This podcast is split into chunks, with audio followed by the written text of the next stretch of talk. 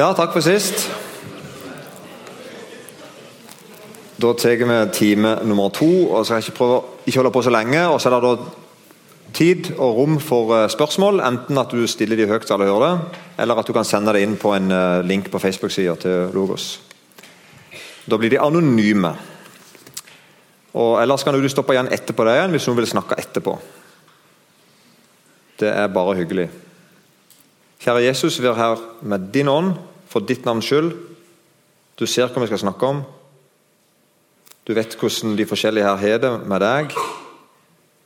Jeg ber om at vi må møte deg nå i ordet ditt. Amen.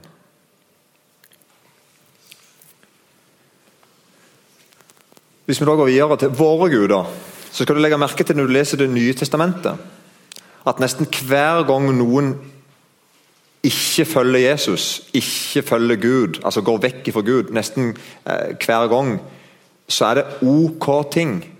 Det er ingen som sier jeg skal bare rane en bank først og skyte noen og stjele en bil. Altså Ingen sier det. Derfor kan ikke jeg følge deg, Jesus. Alle sier sånne bra ting. Og ikke bare det. De fleste sier til og med ting som egentlig er innstifta av Gud. Altså, jeg, skal, jeg har akkurat gifta meg. Det er jo en bra ting. Det er jo noe Gud ønsker du skal. Det er riktig å gjøre. Eller um, jeg skal bare litt på jobb. Det er jo en Takk Gud, du som er i jobb. Det er en rett ting å gjøre på jobb. Hvis noen lurer på er det riktig av meg å være kristen og gå på jobb, ja, i utgangspunktet er det kjemperiktig. Det er sånn vi er skapt for å gjøre. Og du som har helsa til jobb, og du som er så heldig å ha jobb, du skal takke Gud for det. Og andre sier på en måte at det, det passer ikke akkurat nå, prikk, prikk, men prikk, prikk. Litt sånn. Legg merke til det, at nesten alle som avviser Jesus sitt kall, kommer med helt ordinære, hverdagslige ting, og enda, kanskje enda bedre sagt, de kommer med bra ting. Ting du nesten skulle tro at Jesus ville være litt sånn enig med dem. 'Oi, du har akkurat gifta deg?' Ja, litt sånn. Er du med? Og det, det er litt sånn fiffig. Spesielt interessant.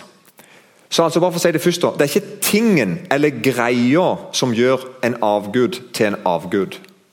Er du ikke med? Vi kan ikke bare ta en ting og si at denne tingen her er uansett i alle, alle situasjoner er dette en avgud. For alle uansett. Nei. Det er sånn at det er forholdet mellom meg og tingen og Gud. Er du ikke med? Det er et forhold mellom meg og tingen eller greia og Gud. I det forholdet der kan jeg forgude hva som helst. Hvis jeg ikke har et rett forhold til Gud, til tingen og til meg. Det er litt, det er litt viktig å si. Vi kan ikke bare ta ut en ting at i, i, vår tid så er det den tingen der som er av Gud. Og så blir alle som opptatt av den. Jeg skal bare ikke gjøre den tingen der, så har jeg ikke den tingen som er av Gud. Ja, Det kan være litt riktig, men ofte blir det veldig teit. Et eksempel fra da jeg var liten, jeg er veldig gammel, og når jeg var liten, så var det sånn at eh, når Misjonssambandet, som jeg da er oppflaska på, når de hadde stevna, så var det enda sånn at det sto sånn misjonssambandsbusser på utsida. For alle hadde jo da var gift og hadde en seks-sju unger, og de hadde da litt store biler. Og De skilte seg ut i forhold til andre folk fordi de hadde flere unger enn andre folk, og så hadde de da styggere biler enn andre folk. De var jo dritstygge, alle bilene. og Mor og far de hadde verdensrekord hvert år i stygge biler både inni og utapå. Og Poenget var jo ikke det at de syntes det var gøy med stygge biler, men de hadde bare ikke råd til noen finere biler. for De var jo med på et stort prosjekt, Verden for Kristus. Så de hadde ikke råd til det. De hadde ikke råd til finere biler enn det. på en måte. Var, men de, de, kunne hatt råd til litt finere bil, for å være helt ærlig. Uh, men, så, det, så det kan diskuteres. Men dere skjønner hva jeg mener? Det, det, og det kjennet, det pregde hele folket. liksom. Når, de hadde, når det var, var, stevne for disse folkene her, da, så så du meg som Oi, her er samling av alle stygge biler i dette fylket samla på utsida av det bygget der inne. Men på den, Det kjennetegner de. I dag er det definitivt ikke sånn. Er dere med? Hva er det for noe? Ja, Forteller dere noe? Jeg er helt sikker på å fortelle dere noe. At I dag prioriterer kristne folk, misjonsfolk, de prioriterer mer på, på bil osv. Så, videre. så kunne vi lage en greie ut av det. Nå vil jeg på en måte, Poenget mitt nå er å si to ting. Det første er at jeg tror det er et poeng. Jeg tror det forteller dere noe. Men mitt hovedpoeng er å si at eh, hvis du, da blir det fort sånn at bare kjøp en stygg bil, så ser du veldig kristen ut. Skjønner du? Det blir sånn tåpelig. Vi er opptatt av tingen. Ingen kristne må ha fin bil. Jeg husker når jeg da var, reiste som barne- og ungdomsarbeider i Agder krets og kjøpte av alle ting en kjempegammel Mercedes fra Dirdal for 60 000 kroner. Kjempedårlig kjøp. Men poenget var det at jeg fikk da kommentarer på at det var en Mercedes. Predikanter skulle ikke ha Mercedes. Da merket jeg at dette ble teit. og Han som sa det, hadde en helt ny Skoda. Så sier du, du, du må bare passe deg. For det første har du kjøpt en drittbil, og for det andre har du gitt mye mer penger for den. Men skjønner du ikke, det blir bare sånn, det blir sånn, det blir sånn, sånn rar problemstilling. Vi blir opptatt av tingen i stedet for forholdet til tingen. Så jeg tenkte at eh, det, jeg, Skjønner du ikke hva jeg mener med dette? Det kan gjøre det sånn, sånn stykkete og kantete og rart. og så blir det sånn, ja, Her går alle med stygge biler, eller her gjør alle sånn og sånn. For da, da på en måte går vi klar av de tingene. Det blir fjollete. Samtidig er det et poeng. Det bør ringe noen bjelle når kristenfolk bruker dritmye penger på andre ting enn Guds rike. Det bør der. Det forteller oss noe av det samfunnet vi lever i. det er helt sikkert. Men det er likevel det er jo dumt sant? bare du ikke har fin bil, iallfall. Så det, vi, det, altså, det, det, vi snakker om, er forholdet mellom deg og tingen eller greia og Gud. Ikke forholdet mellom deg og tingen og de andre. Hva de andre mener. Det blir bare tull. Da lager vi sånne rare regler. Antageligvis driter vi oss ut. Og Dessuten får vi ikke med Gud å gjøre, vi får med de andre folkene å gjøre, og ryktene til de andre folkene, hvor de andre folkene tenker, om, oss, tenker om oss. og Det er veldig kjedelig i kristne, det kristne livet å ha sånn. Heller har med Gud å gjøre. Så hvis du kan kjøre en helt ny Mercedes i Jesu navn, så gjør det i Jesu navn. Helt klart. Det er viktig. Så Det gale med denne gullkalven vi leser om i andre Mosebok, er egentlig først og fremst forholdet de, eh, altså den plassen denne gullkalven fikk i forhold til Gud. For Det er sånn at det, det er ikke sånn at alle ting kan bli, alle ting er ikke like, like interessante i alle uh, kulturer. I denne, i den, jeg har lest litt sånn, lest litt sånn bibelhistorikk, uh, arkeologi-greier, hjelpemidler rundt dette med gullkalven. og Da sier alle jeg har lest at uh, når Aron foreslo å lage en kalv, så var ikke det tilfeldig. Det var fordi at det var det egypterne holdt på med. Og Der hadde, hadde jødefolket bodd lenge og sett på hva egypterne holdt på med. De hadde guder som en kalv. De hadde en haug med sånne fruktbarhetsguder, balguder, som de ba til. Så når, når, når, folket ba om en gud de på en måte kunne forholde seg til her og nå, som han kunne lage, så visste Aron jeg lager sånn en gud som vi er vant med å ha. Men bare at vi kaller han for Gud. Gud med stor G og sier at det er han som førte oss ut av Egypt. Er dere med? Og så I tillegg så står det om noen fester neste dag. de skulle ut Tidlig neste morgen gikk de ut og lekte. og sånn, så Det er tydelig at de til og med hadde sexorgier. Gudsfolk. Sånn som de hadde lært av egypterne å ha. De var på en måte barn av si tid. De hadde sine referanser, hva som var vanlig og ikke vanlig. Og Sånn sett så er, forteller dette oss noe om i dag. Hva er det det går i i dag, der du bor? Ikke sant? Hva hadde vært logisk for Aron å lage til deg? Hvis du skjønner bildet. Og Da vil jeg bare nevne tre ting nå i kveld som ligger meg på hjertet nå for tida. Det er tre avguder som jeg ser typisk i kristne miljø i dag. og Det er, det er deg sjøl.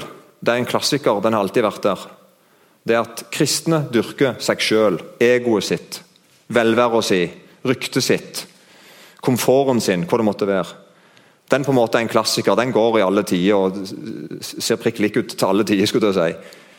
Men det er, et, det er særlig én ting som jeg merker kristen blir i dag, og det er familien. Jeg kan gjerne kalle det for det sosiale nettverket for å utvide litt. da.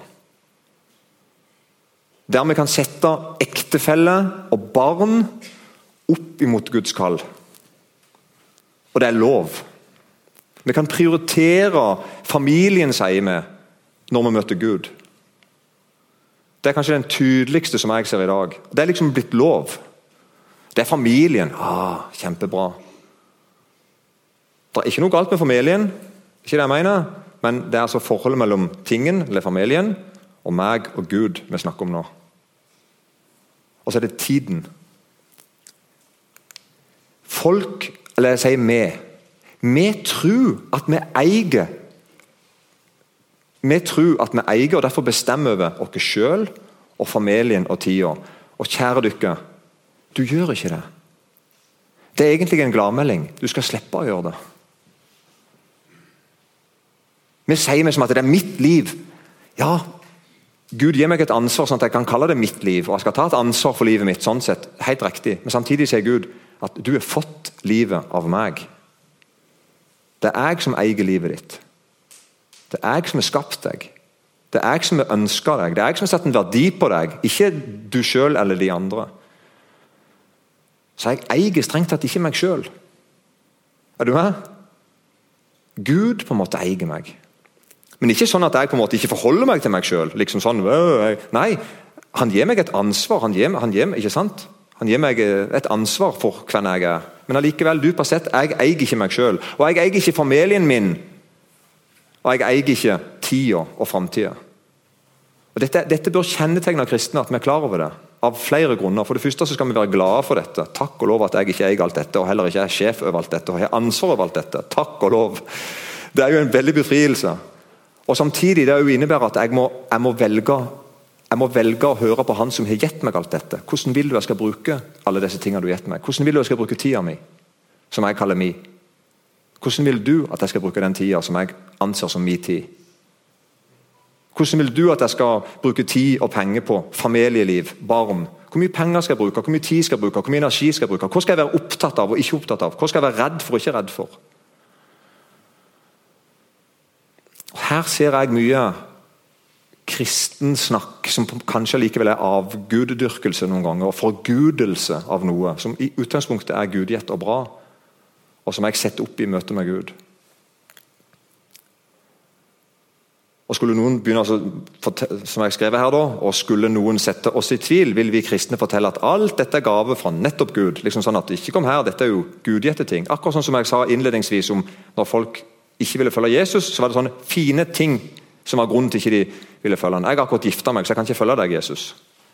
Veldig rar tanke for Jesus, når det er han som har skapt mannen og kona og ført de to sammen. og Så kommer de nå og sier at pga. at du har skapt meg og hun og ført oss sammen, så kan ikke jeg nå følge deg. Veldig rart sett med Jesus sine øyne. Hvorfor ikke det? Det er jo jeg som har gjort alt dette mulig for dere.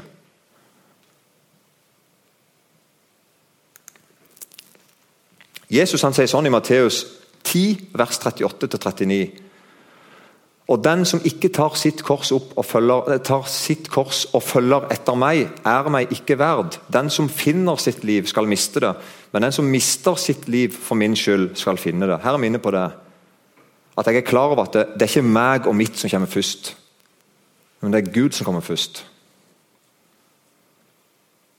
Jeg er ikke sjefen.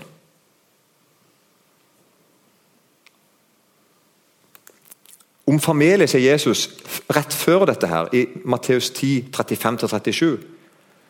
Jeg er kommet for å sette skille mellom en mann og hans far, mellom en datter og hennes mor, mellom en svigerdatter og hennes svigermor, og en manns husfolk skal bli hans fiender. Den som elsker far eller mor mer enn meg, er meg ikke verd. Den som elsker sønn eller datter mer enn meg, er meg ikke verd. Og så kommer da det verset der. Og den som ikke tar sitt kors og følger etter meg, er meg ikke verd. Så Det handler altså om familie. Hvordan jeg skal, hvordan jeg skal tenke om meg sjøl. Hva jeg skal tenke om familie og relasjon, altså de jeg står i relasjoner til. Særlig slekter, men òg andre som jeg står i relasjoner til. Venner. Folk med innflytelse over livet mitt. Så kommer der den dumme bonden. Jesus kaller han for en dåre, så jeg tror det er lov å kalle han dum. Jesus, ja, der står sånn, Og han sa Jesus forteller om en bonde da, som bygge store lover og tenke, tenke ja, Du kan lese selv. Og han sa dette vil jeg gjøre. Jeg vil rive ned låvebygningene mine og bygge større. Der vil jeg samle hele min avling og mitt gods. Så vil jeg si til min sjel Sjel, du har mye godt liggende for mange år. Slå deg til ro, et, drikk og vær glad. Dette forteller Jesus som på en måte en fortelling om en bonde som var, ikke var klok. Men Gud sa til ham, du dåre, i denne natt kreves din sjel av deg. Hvem skal så ha det du har samlet? En slags tanke om at jeg er kontrollen på, på, på, på situasjonen, jeg er kontrollen på framtida. Jeg kan ikke bare planlegge, for det er mitt. Er du ikke med? Eller en annen plass. Dette står i Jakobs brev. Nå vel, dere som sier, kolon, i dag eller i morgen drar vi til den eller den byen. Vi skal bli der et år og drive handel og tjene penger. Dere som ikke kjenner morgendagen. For, for hva er vel deres liv? Dere er jo bare en røk som viser seg en liten stund, og så er borte. I stedet skulle dere si, kolon, om Herren vil, så får vi leve og kan gjøre dette eller hint. Men dere skryter og roser dere selv. All slik selvros er ond. Den som altså vet hva godt han burde gjøre, men ikke gjør det, for ham er det synd. Så det er noe merkelig med den situasjonen vi er i i dag, og som sikkert mange har vært før oss òg, men nå, er det, nå er det med. At vi får et rart forhold til de tingene som egentlig er gitt av Gud. Og vi begynner å forgude dem. Gjøre dem til meninger med livet. Gjøre dem til det vi vil blø for. Og vi til og med bruker det som unnskyldning når Gud kommer og vil kalle oss, at vi ikke tid. Vi anter å gjøre. Til og med fine ting som er innstiftet av Gud. Og Sånn ser vi også når, når, når Jesus kaller de tolv læresveinene. Når du leser i, i Nytestamentet om når Jesus kaller læresveinene, da ser vi at da, da, da utfordrer Jesus akkurat de båndene vi snakker om nå. Sant? Familie og tida og alt det, det tingene jeg snakket om, og seg sjøl. Jesus møter Peter. Ja, eh, se, Alle sammen kaster det alltid i hendene og følger han. For eksempel, vi leser og blir imponert av Simon Peter og Andreas. Der står Når Jesus sier 'følg meg', så, Jesus, sier de de forlot da straks garna sine og fulgte han. Matteus 24. Og vi sier 'wow'. Gjør vi ikke det? Det er bra. Tenk å være som Peter og Andreas og, og de der. Det som er litt, det som er litt sånn avslørende med det wowet vårt, er at vi tenker at de egentlig hadde alternativ. Vi tenker liksom at Peter og Andreas for å ta de to brødrene da, men også andre, at de på en måte kunne ha sagt at ja, vi kommer snart, vi skal bare just ordne noe først. vi skal, skjønner du? Vi tenker liksom at De hadde kanskje alternativ, så det imponerer oss på en måte at de velger liksom bare å komme med en gang. Vi snakker som om på en måte vi kan følge Jesus litt, eller mer og mer over tid. eller, Er du med? Der, der avsløres noe hos oss når vi reagerer med 'wow' for Peter, tenker jeg. For at Når Jesus møter deg og Peter og sier 'følg meg', da har du ingen andre valg enn å gå. Det er det valget Jesus gir deg. Du kan følge han eller ikke følge han.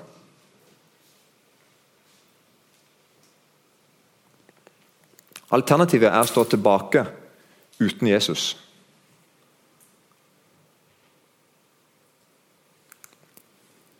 Og Alt dette vi snakker om nå handler ikke om at vi ikke skal bry oss om livet, eller ikke skal bry oss om familien eller framtida. At vi liksom skal være noe slags imot eller mener det er galt med dette. her. Nei, nei, nei. nei, nei.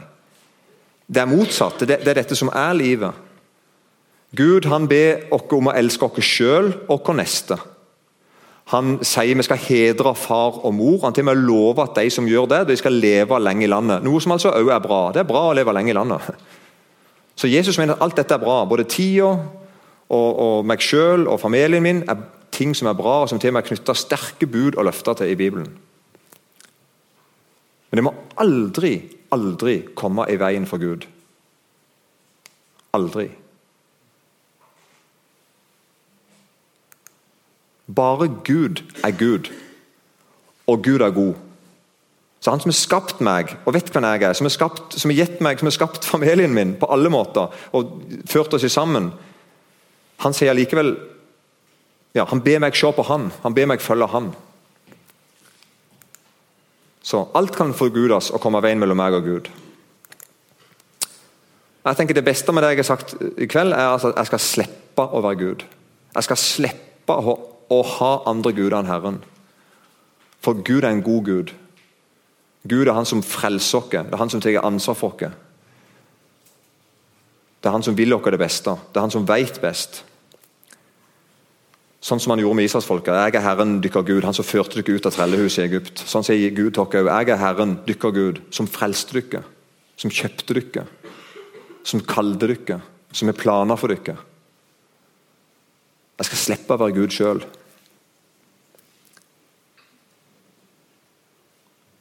Det vi snakker om nå, hvis du gjør dette riktig, så kommer du til å bli beskyldt for å være fanatiker. Bare pass på at det ikke er sant at du er det. altså. Men, men hvis du blir beskyldt for det, så kan det være, da er du kanskje litt innafor. Det er noe rart med de kristne. De, de tror på en gud som er helt spesiell. Og Når, når israelsfolket gikk ut av Egypt, og særlig gikk gjennom Rødehavet Fytti grisen det var rykter om dem i hele verden. Det gikk rykter om dem. Noe helt enormt. sant? De tror på en gud som er helt annerledes enn alt annet vi har hørt om. Og det er folket der òg. Og Sånn går det rykte om deg òg, som hører Jesus til. Bare hvis du vet det. Det går rykte om deg rundt forbi. Han og hun hører til Jesus.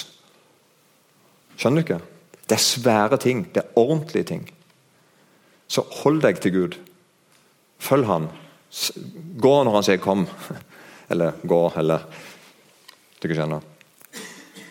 Helt til slutt bare et, eh, en, en, liten lovsang fra Isaiah 25,1. Herre, du er min Gud, jeg vil opphøye deg, jeg vil prise ditt navn, for du har gjort underverk. Dine råd fra gammel tid er sannhet og trofasthet.